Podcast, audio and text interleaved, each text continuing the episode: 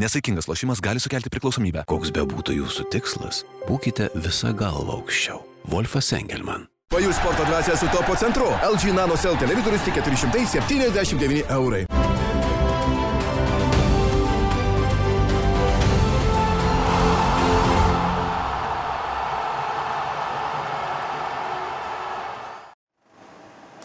Labas rytas, e, sekmadienis, e, tiesioginėme eterėje vėl skrieja kamuolys, mano vardas Gintaras.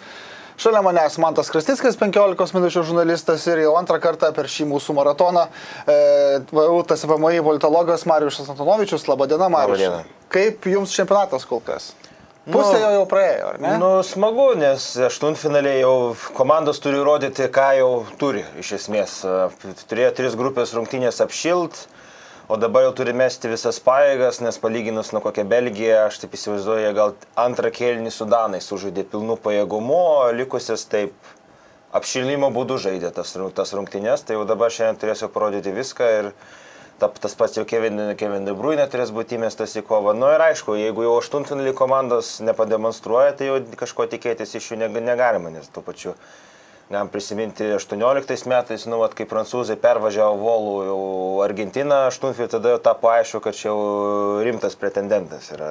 Tai, tai dabar jau pats smagumas prasideda. Mhm, iš tikrųjų, net ir vakar turbūt man tai buvo matyti bent jau Italijos, Austrijos rinktinių sustikime toks ant emocijų ribos, jau matosi, kad abi rinktinės tikrai siekia nepralaimėti bent jau tai tikrai, o geriausiu atveju, aišku, nugalėti. Mes turbūt nuo šių rungtynių ir pradėsim, bet pirmiausia norim pakalbėti apie vieną tokį dramblį kambaryje ir parodyti jums trumpą, trumpą klipuką. Prašom, pažiūrėkite ekranus. Prognozuokim ką. Pro, taip, dar užbaigiam prognozę. Tai aš prognozuoju 2-0 tokią saugią pergalę. Gerai, na tai man reikėtų šaut kažką truputį paįvairinimui, tai aš sakysiu, kad per pratesimą italai laimės 2-1. Tai va, čia, e, kas galbūt negirdėjo, 2-1, man tas spėjo, kad po pratesimo nugalės Italija, vakar Austrija. Mm tikras orakulas, e, kaip čia tai pasisekė tu? Ai, nežinau, aš visiškai negalvojęs ten šoviau tokią lempą ir kartais pataikai, čia visiškai nelaikau savęs jokių, jokių orakulų ir jokių tuo vienu iš tų žinduolių, kurie dažnai atsiranda čempionatų metu ir pataiko tiksliai, tai pasisekė, bet Sulaukiau vakar po rungtynių keleto žinučių, sakė žmonės, gali būti, kad bandys ir praturtėti klausydami mūsų laidos ir klausydami tų spėjimų, tai siūlyčiau nedaryti, nes gali, siūlyčiau manim taip labai jau nepasitikėti. Gerai, taigi Italija, Austrija 2-1 po pratesimo, visi trys įvarčiai krito būtent e, jau pratesus rungtynės. E, Marijušai, Austrai mes čia prieš laidą biškai kalbėjom, net ne tiek maloniai nustebino, kiek maloniai nustebino pasirengimu rungtynėms. Jie buvo pasiruošę žaisti prieš italus, ar ne? Na taip, tai vienas dalykas, tai aišku, tos kraštus uždengė, ypatingai Spinacolai sunkiai sekasi per tos 90 minučių. Aš dar pridėčiau tai, kad, na, italams, kad, kad jie kurtų tas atakas, jiems reikia laikyti kamuolį reikia ilgai, jiems reikia brandinti tas atakas, 10-15 perdavimų man susidarė įspūdis bent jau, kad na, Austrai stengiasi neleisti.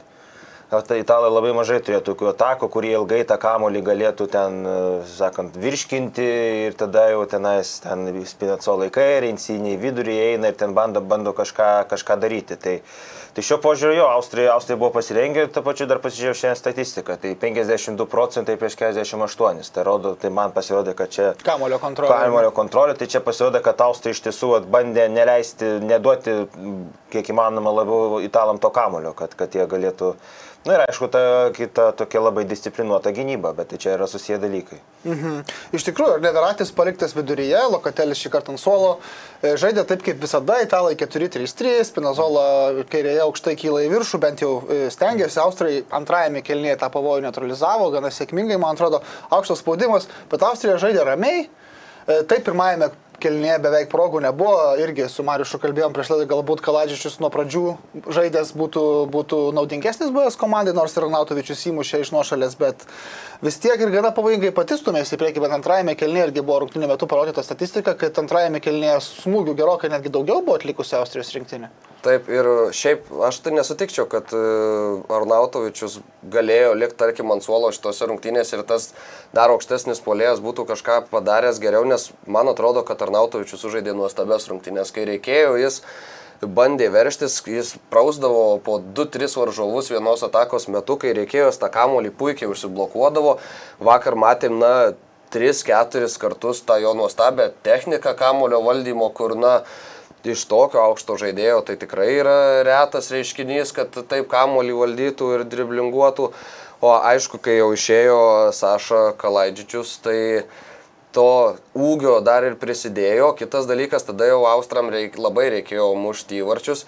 Ir pats Saša Kalaidžičius, kalbėdamas po rungtynių, sakė, E, na, manau, kad visa Austrija gali didžiuotis tuo, kaip mes pasirodėm šitam čempionate ir iš esmės visi, tiek ir treneris, tiek ir žaidėjai, kurių komentarus skaičiau, visi sako, kad, na, mes galim didžiuotis tuo, ką, ką padarėm, taip mums pritrūko, bet dar Saša, kalbėdamas apie tą savo įvartį, sakė, nežinau, ar kada nors mano galva taip arti žemės yra buvus, nes ten e, tas įvartis po kampinio visiškai griūdamas ir taip galva šiek tiek palėtė kamolį, aišku, labai gražus, gal kažkiek ir sėkmės turėjęs įvartis, bet, bet e, Austram nepavyko jau ten per tas likusias beros šešias ar keturias minutės kažko pasiekti.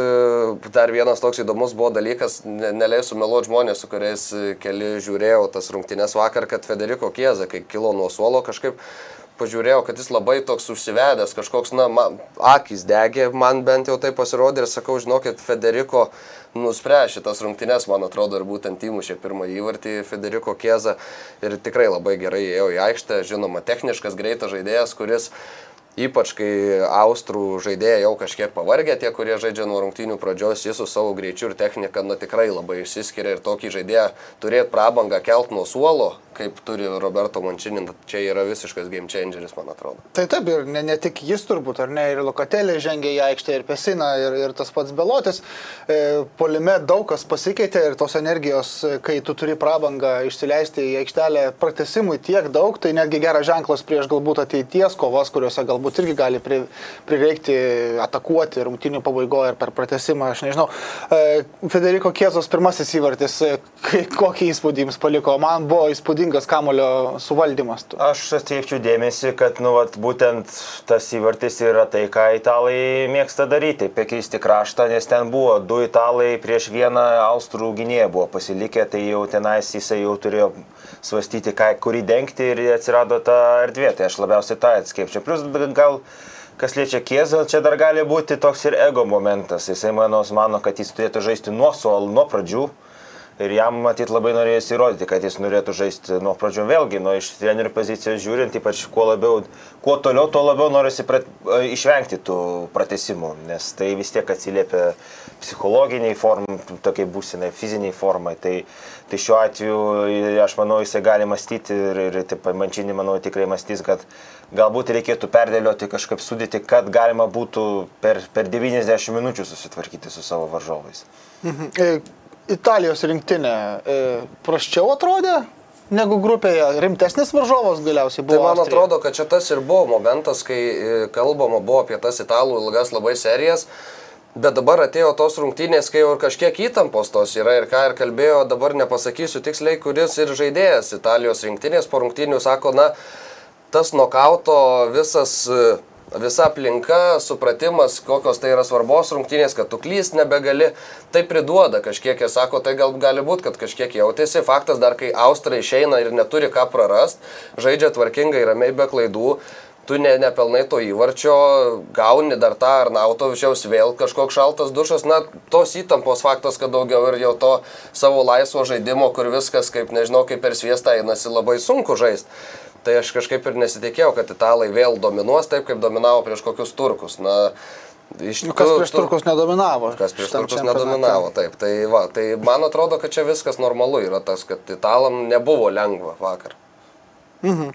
E, gerai, gal, galbūt keliaujame į antrasias rungtynes, kurios vyko prieš šį mačą. Danija Velsas e, Amsterdame vyko rungtynės, be galo daug Danų atvažiavo, nelabai ir netoli jiems ten pajudėti, žeminiai daly viskas. Uh, ir ką, Velsiečiai 10 minučių sužaidė neblogai, turbūt pirmųjų tose rungtynėse ir paskui Danai tiesiog turbūt nusiramino, pradėjo žaisti taip, kaip jiems įprasta ir sumušė savo įvarčius. Man pasirodė, kad Velsas, aš nežinau, čia buvo sąmoningas ar nesąmoningas veiksmas, įvėlė Daniją iš pradžių į savo tokį žaidimą. Tai yra, buvo daug perdavimų iš kraštų, o ten Velso gynėjai, nu, ten kaip kam, kam į spintą, kam į komodą jie yra panašus, bet ten, nu, Danam labai sunkiai sekėsi su jais aukštais. Ir visą pirmą kėlinį buvo labai daug aukštų perdavimų ir žvelgiant iš Danų perspektyvos tai buvo beprasmiška, bet vos tik jie vat, nuleido kamolį ir ypač vat, tas pirmas įvartis, kur tai per tris tos, per, per, per tris Velso šitos žaidėjus praėjo pasas, atsirado ir dvies ir tada jie pradėjo, pradėjo žaisti. Tai antram kilinimą jau buvo daugiau kamolio laikymų ir daugiau kamolio laikymų ant žemės, netgi ten iš krašto jau ne visą laiką jau mesdavo, bandydavo apžaisti, tai, tai aš sakyčiau, kad Velsas bent jau pusę pirmo kėlinio buvo kažkaip įvėlęs į tą tokią jiems palankų žaidimą, kad mestų iš kraštų, jie išmušinėja ir tada bando ar ten Jamesą, ar, ar, ar, ar, ar Gerasą Beilą iš, ant kontratakos išvesti. Mhm. Aš dar kažkur vakar perskaičiau tokį momentą, kad, okei, okay, įvarčius Danams 4-0 beje nugalėjo, mušė polimo žaidėjai, be abejo, Dolbergas, Breitvaitas. Bet e, tas momentas pirmajame kelnyje, kai Danai pagaliau perėmė taip e, solidžiau žaidimo kontrolę į savo kojas, ne rankas iš tikrųjų šiuo atveju, e, tai padarė pastumdami Andrėsą Kristenseną šiek tiek į priekį virš, virš dviejų kitų centro gynėjų, virš Kiero ir, ir Vestegoro.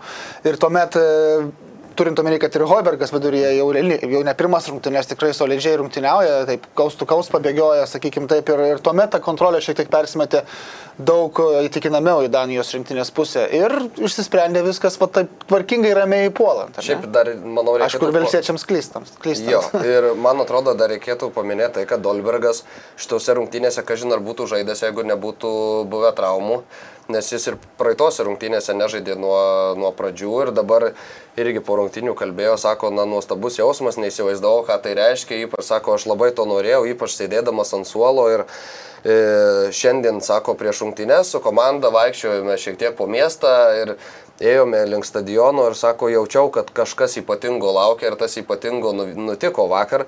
Beje, Garetas Beilas po rungtynių kalbėdamas su BBC labai atvirai pasakė, Taip, prieš antrą įvartį, kai pradėjo e, ataką Danai, buvo Kero pražanga ir sako, aš nesupratau, kodėl teisėjas jos nesušvilpė.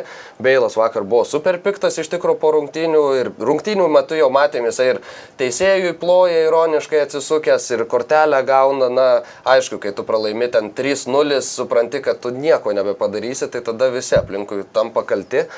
Ir dar vienas įdomus momentas iš Beilo interviu po rungtynių buvo paklaustas jis e, dėl ateities Velso rinktinėje ir Garetas Beilas numojo ranką ir tiesiog išėjo iš interviu. Tai toks Na irgi įdomu, įdomu, ką jis turi omeny tuo, ar tai, kad jis tiesiog nenori kalbėti, ar kad tai jau galbūt nu, tai, pabaiga yra. Penktą kartą klausė iš eilės to paties, ja. tai gal ir mane užkristų, tiesą sakant, jeigu aš nenoriu arba negaliu kažko pasakyti, tai tiesą sakant, buvo prieš rungtynės momentas su Beilu šiek tiek jokingesnis, jis buvo geresnės nuotaikos, man atrodo, jo per spaudos konferenciją paklausė, tiksliau jis pats pasakė, aš žinau, kur žais Sergio Ramosas kitą sezoną.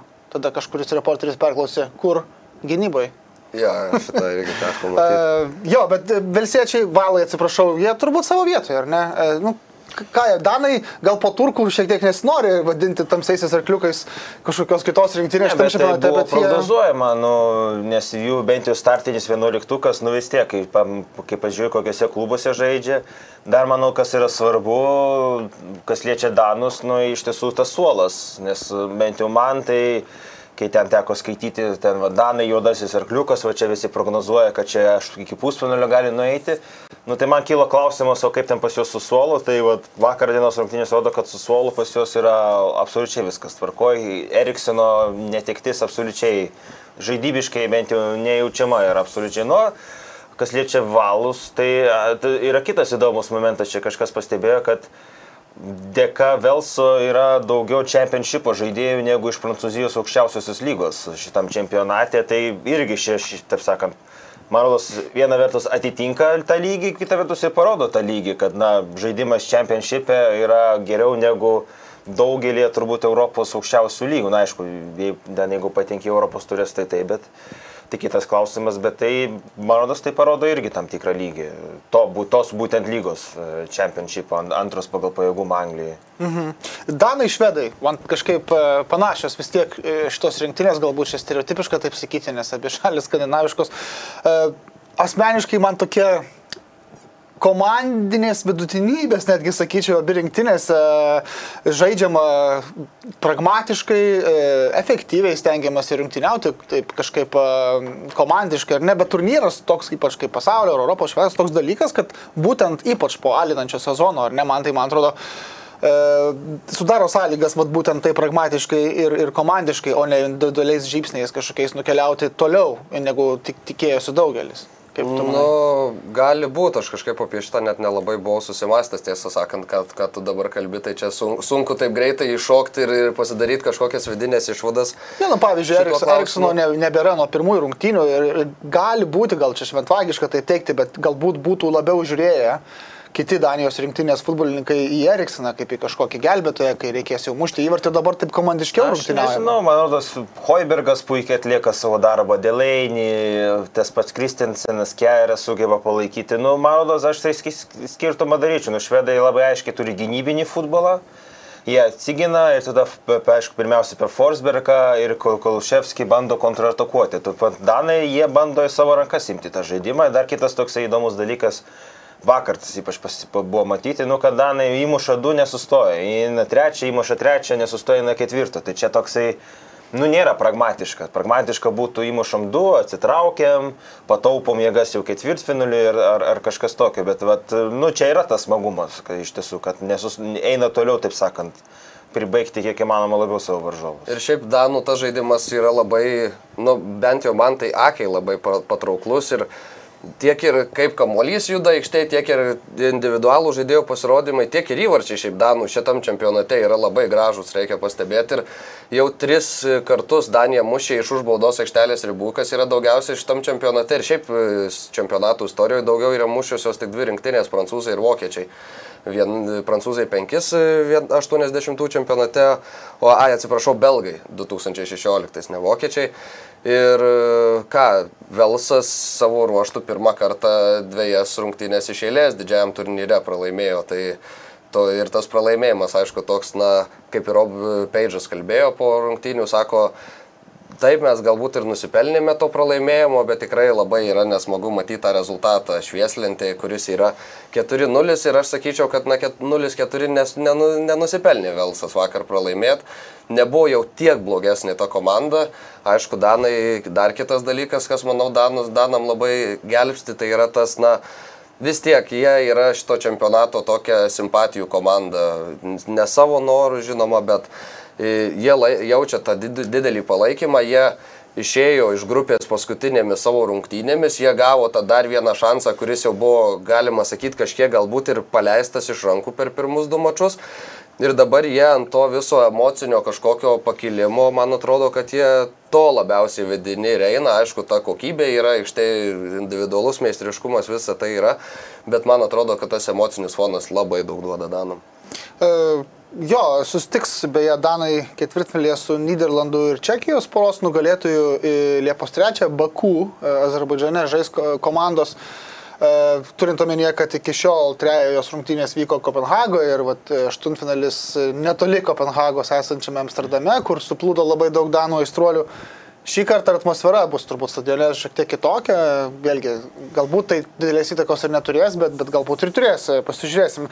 Tarp kitko, mūsų pagrindinis rėmėjas Top Sport ir bookmakeriai šiek tiek po grupio etapo pakore- pakoregavę yra prognozes dėl to, kas taps čempionais, tai vis dar pirmoji vieta prognozuojama Prancūzijai, kuriai tikimybė nugalėti vertinama 18 procentų, tuomet italai 13 procentų, anglai 12 procentų nesuvokiama, e, vokiečiai 11, ispanai 10, belgai ir olandai po 9 ir tuomet man Kaip atrodo įmanoma portugalai. belgų šansus vertinti praščiau nei anglų, jūs man galit paaiškinti šitą, aš žiūrėjau į tuos numerius ir niekaip nesupratau. Nežinau, kaip, kaip jūs galvojat. Ar anglai iš vis verti kažkokio... Čia gal dėl to, na, kurioj pusėje žaidžia tų atkrintamųjų, nes, na, kalbam, kad viena stipresnė, kita silpnesnė, bet...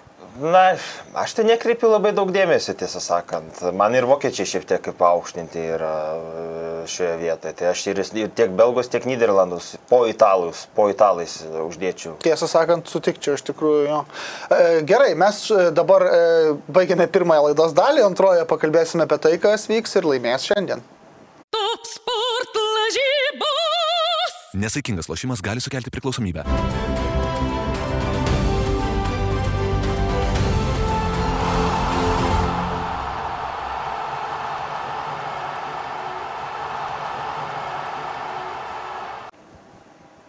Sveiki sugrįžę. E, Dienos rungtynės šiandien, be abejo, Belgija, Portugalija. E, Mariušai, Belgijos auksiniai kartai paskutinis šansas kažką laimėti? Na, reikia geriau žinoti, kaip jų jaunimo rinktinėms sekasi. Aš negaliu, tai, dėl- tai čia ir pagal tai gali atsakyti, ar čia jau paskui tai kartai taip, bet e, jeigu ten yra tvarkingai su akademijom ir jaunimo rinktinėm, tai ten atsiras kita karta, bet čia aš negaliu atsakyti. O aš galiu. Taip. Aš galiu. U21 rinktinė į šios vasaros Europos čempionatą nepateko, U19 rinktinė 16 vietoje reitingė visoje Europoje. Nu, tai tada jo, tada, tada bus pertrauka. Tai, na tai taip, tai, bet čia aišku, šitose rungtynėse, man rodos, kaip čia, susidurs, mm, kaip čia, bus išbandytos silpnybės abiejų komandų, nes Portugalai jiems labai sunkiai sekėsi su vokiečiais, kurie žaidžia tą 3-4-3, tas pats, ta pati sistema kaip ir belgų, ypač su krašto žaidėjais. Tuo pačiu belgai, na, ka- kaip teigiama, nu jų ta vidurio gynėjų linija yra tokia lietoka palyginus su kitomis komandomis. Sanoka irgi taip pat. Ir, ir, ir, o kadangi belgai nu, mėgsta kontroliuoti kamolį ir mėgsta žaisti aukštą liniją, tai čia, manau, Cristiano Ronaldo ir, ir kiti irgi duos testą vat, būtent šitai, šitai jų silpnybei. Iš tikrųjų, amžius e, Belgijos rinktinėje galbūt netrodytų taip iš pirmo žvilgsnio, ne, Debriunė yra Pike ir Hazaras po traumų, bet irgi yra, sakykime, pačiam jėgų žaidėjime, jeigu sveikas visiškai ar ne. Bet 10 net belgų žaidėjų yra vyresni negu 30 metų. E, Visiems, išskyrus Tylemaną ir, ir jaunėlį polė Žeremy Dokų, yra daugiau negu 25. Tokio jaunimo, tokio sprokstančio ten nelabai yra, ne, yra, kita vertus, yra patirties, E, kaip tu man tai galvoji. E, Šios svarstyklės tarp belgų ir portugalų į kurią pusę nukreips tavo manimą? Man krypsta labiau vis tiek į belgų pusę kažkodėl. Aš neturiu kažkokio didelio paaiškinimo ir nemanau, kad ir tie procentai, kurie duodami prieš rungtynes, yra kažkokie labai jau e, skirtingi. Taip, nes- jeigu, labai, jeigu trumpai, Taip. tai 39 procentų tikimybė, kad laimės belgai, per pagrindinį laiką 31, kad laimės portugalai tai ir va. 30 procentų, kad bus pratesimas, o dėl patekimo į ketvirtfinalį tai 53 prieš 47 belgų naudai procentų. Jo, tai man irgi taip atrodo, kad gal belgai kažkiek ir daugiau tų šansų turi, bet tas e, šansų daugiau ir labai labai mažai. Ir paskutinį kartą iš vis belgai prieš portugalus laimėjo 89 metais, po to žaidė dar penkis kartus, tris kartus laimėjo portugalai, du kartus laimėjo uh, belgai, susi, susimaišiau. Tai, tai va, tai aš sakyčiau, kad belgai galbūt kažkiek yra favoritai, bet mes žinom, kas žaidžia Portugalijos rinktiniai, kad e, jeigu tu gali Bruno Fernandešą palikti ant suolo tokį žaidėją per vienerias rungtynes, galbūt jam, nežinau, ar kažkokį tai signalą pasiūsti, ar, ar pasibandyti be jo, tai daug ką pasako, man atrodo, apie tai, kokia yra Portugalija. Mhm. Iš pastarųjų 58 Belgijos rinktinės varžovų tik du, ne, tik du sugebėjo neleisti belgams įmušti. Tai buvo be abejo Prancūzijos rinktinė pasaulio čempionate pusfinalyje ir Portugalai 2018 tų pačių metų birželį Briuselėje. Ar įmuš, e, ar, ar apsigins Portugalai nuo belgų? Marius. Man atrodo, kad greičiausiai viena ir kita komanda praleis įvarčius. Turbūt, turbūt tą galima spėti, nes vėlgi tos kokybės pas Portugalus jos irgi yra, tos kokybės pas Portugalus gynybai jos, man rodos, nepakankamai yra. Galų galę, na, tie patys Danai belgam, bel, bel, belgam įmušė, kas irgi mano svarbu, bet plus vėlgi aš gal nesusitelkčiau į to- tos amžių, nes vėl prisiminus ten 2006 metus, nu tai ten 34 metai, tuo metu Zidanui buvo, nu jau atrodo jau viskas, jau dabar vat, Lewandowskis puikiai žydė, tai prasme, 33 metų rekordą Müllerio, nu tie žaidėjai pajėgumai jie, jie keičiasi ir aišku dar priklauso nuo to, kaip, kaip, kaip sakykime, kas, kaip kas save prižiūri, tai čia, manau, reikia žiūrėti konkrečiai, ta prasme, čia su gynybos linija taip, nes jiems reikia to greičio, pagal tai, kaip jie žaidžia. Nes jie negali sulysti giliai kaip kokie škotai, pavyzdžiui, ar švedai. Nes jeigu jie žaistų kaip škotai ir švedai, tai tas amžius ir to greičio toks mažesnis greitis jisai nedarytų jokių problemų. Bet tai, kad jie žaidžia tą aukštą liniją, va čia tada ir atsiranda ta, ta, ta problema. O šiaip tai aš manau, kad tos kokybės visur saugose, polėjose vis, viskas tvarko ir čia amžiaus tas uh, kiekis tai jau tenais, tik kitose pozicijose jisai nedaro. Bet aš jo spėčiau, kad prauleis abi komandos šiandien bent po vieną įvartį mhm. per pagrindinį laiką. Kalbant apie tuos, kurie gali mušti, tikėtina, kad muš arba ne, mes turim paruošę tokį palyginimą tarp dviejų pagrindinių, sakykime taip, talentų ir ginklų polime abiejose komandose. Romelo Lukaku, Belgijos rinktinė, Kristiano be abejo Ronaldo, e, Portugalijos rinktinė, Ronaldo įmušė lygiai dviem su pusę karto daugiau įvarčių negu visa Anglijos rinktinė šitame čempionate. E, penki įvarčiai, trys Lukaku sąskaitoje, smūgių daugiau Ronaldo sąskaitoje e, ir didžiausias greitis išvystomas, didesnis greitis išvystomas Lukaku, e, sakykime taip, jis ir jaunesnis, bet Ronaldo vis tiek yra nerealus, ar ne, man tai, nu, penkiai varčiai 36, vėlgi, aš grįžtu prie to amžiaus, bet e, tiesiog tai yra įspūdinga karjera, ar ne, jisai jau yra pasivyjęs Alydai e, nacionalinė rinktinė įmuštų įvarčių rekordą. Pradžia buvo sunki, tyčiojasi ten ir vengrų aistruoliai e, iš jo Budapešte, bet kažkaip man akivaizdu, kad motivacijos jam netrūksta ir galbūt tai gali stebinti, žinant, kad e, jo įvaizdis toks yra, kaip čia, plėšikas, kuris nepasuoja, kuris, kuris nori pats mušti, bet rinktinėje jam jau kuris laikas matosi, kad jisai tiesiog mėgojasi, džiaugiasi žaisdamas rinktinėje, jis turi ten tą pagarbą, kurios jam trūk, trūkdavo turbūt ir realiai, nors jis muždavo 9 metus daugiau negu po vieną įvartį vidutiniškai per rinktinės, bet uh, jam labai svarbu, atsiminkim 2016 metų Europos čempionato finalą, kuris net negalėjo baigti rinktinėje, bet euforija buvo tokia, kad aš nesumatęs, tai tokio ekstazijos žaidėjo, kuris negalėjo. Treneris buvo tada negu, negu treneris prieš šoninės linijos per tą finalą finalą. Ir aš pritarsiu tau dėl to, dėl reikšmės rinktinės sport, Ronaldo karjeroje, nes žaidžia tikrai neįtikėtinai ir kalbam 36 metai ir čia dar vienas įrodymas, kad šiais laikais 36, ten 32, tai dar nieko nereiškia, vien tai, kiek kyla Cristiano Ronaldo vis dar nuo žemės yra įspūdinga, vienas šaukliausių tikrai vis dar žaidėjų pasaulyje, man atrodo. Ir šitam turnyre jau yra mušęs du dublius. Tai jeigu jam pavyktų įmušti dar vieną dublį, tai būtų pirmasis žaidėjas, kuris, kuriam pavykę įmušti tris kartus po du įvarčius tame pačiame čempionate ir tų pasiekimų, kiek Ronaldo yra užfiksavęs ir kiek, ką dar kesinasi, tai man atrodo galim vardinti ir vardinti. Tai... Romelu Lukaku savo ruoštų, tai. na, turėjo nuostabų sezoną irgi Milano Interė.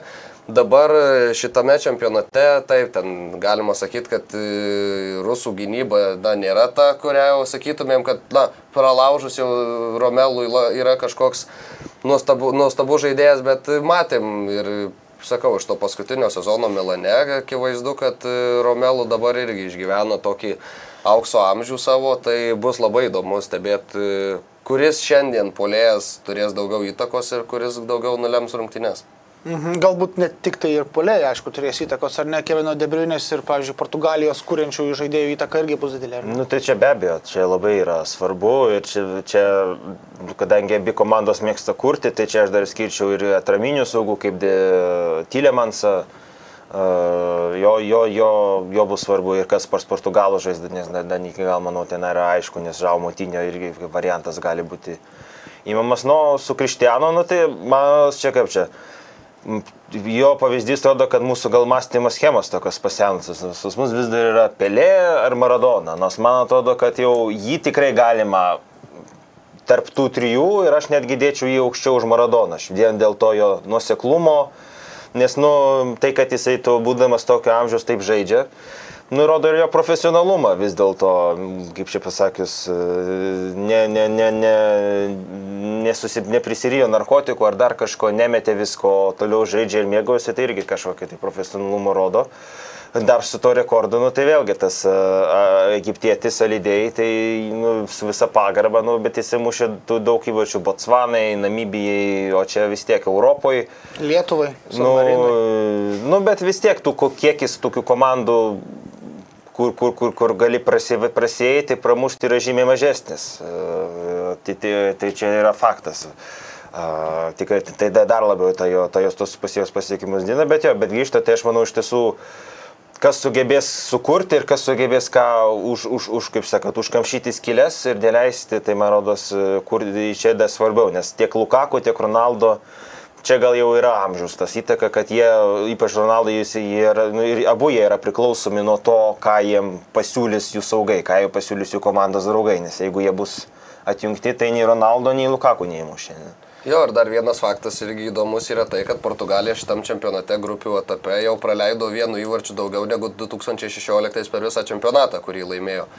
Tai ta gynyba gal ir nėra tokia gera ir, ir belgai irgi galim sakyti, kad na vidurys ir priekis yra stipriausios pusės Belgijos, o gynyba galbūt ta silpniausia grandis rinktinės, panašiai galima sakyti ir apie Portugaliją. Tai nuo to gydybos, kuri labiau atsilaikys šiandien prieš tą puolimo visą potencialą varžovų irgi, manau, priklausys netgi daugiausiai.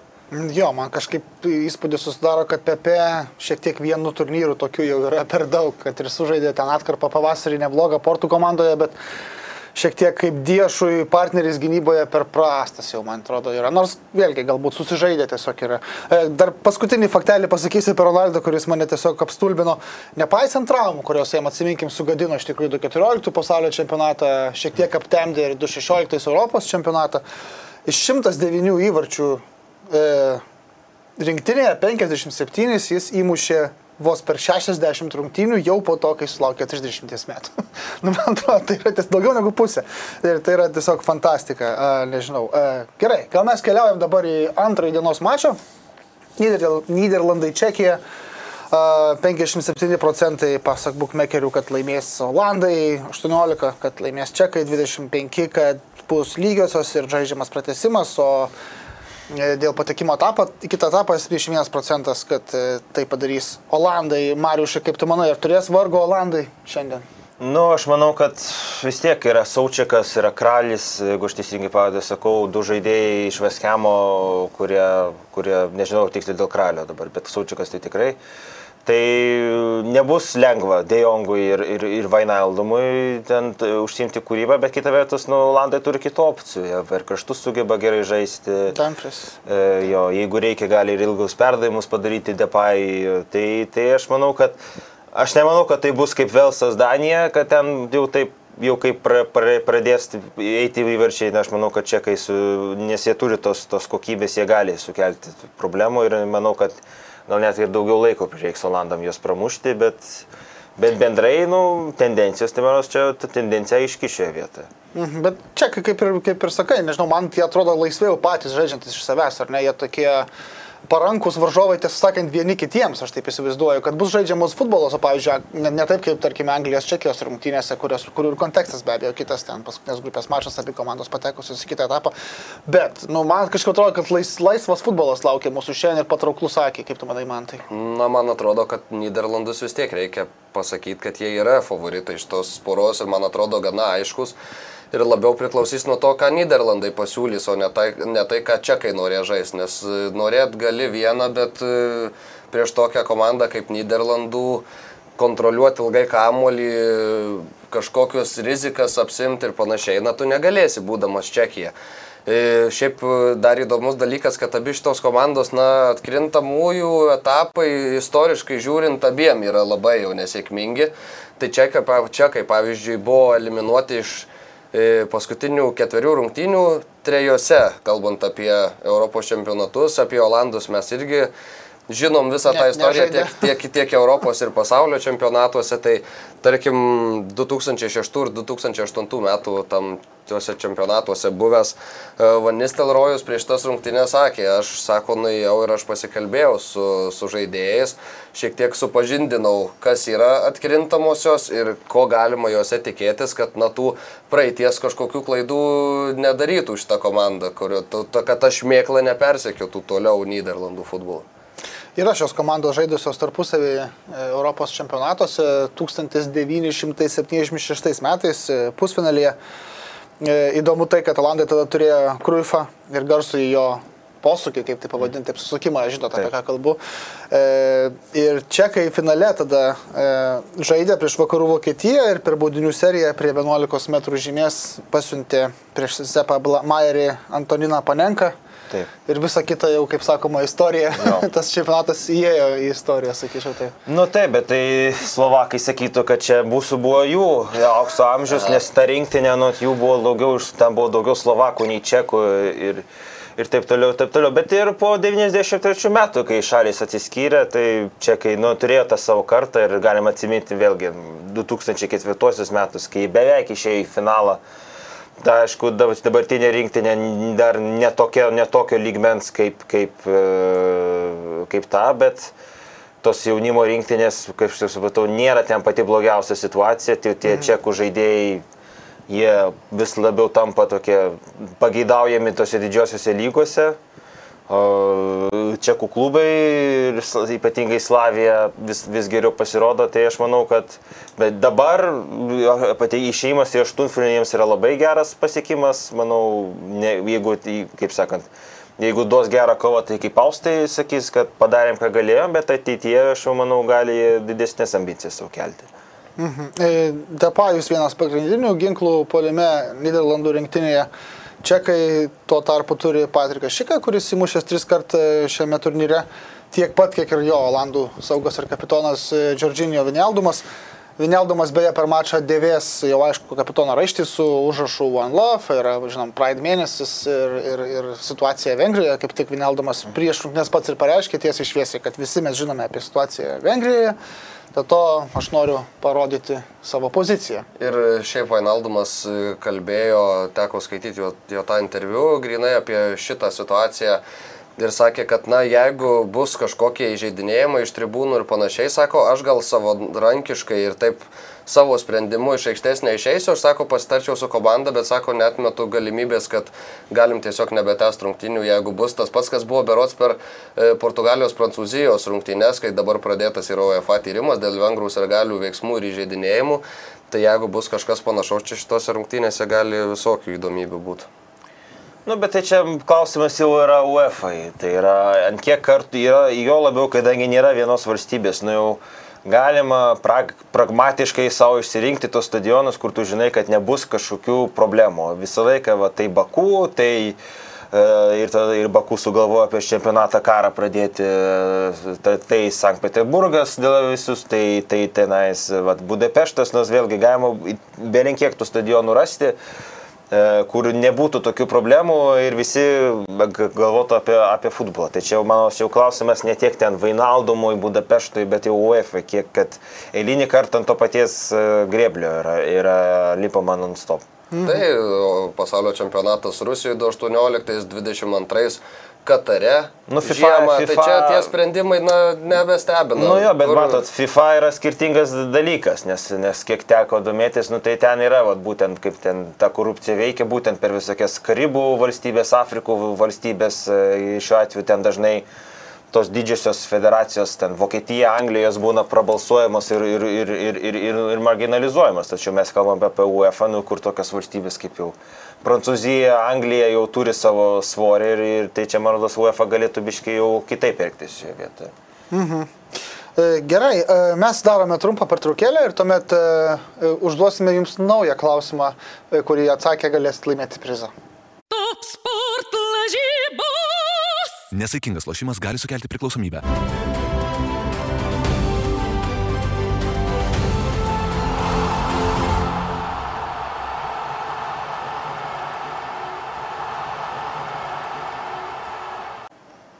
Sveiki, sugrįžę į studiją. E, Naują klausimą užduoti reikia dėl to, kad e, niekas vakar neatspėjote, e, kurią minutę bus įmuštas įvartis rungtynėse tarp Austrijos ir Italijos.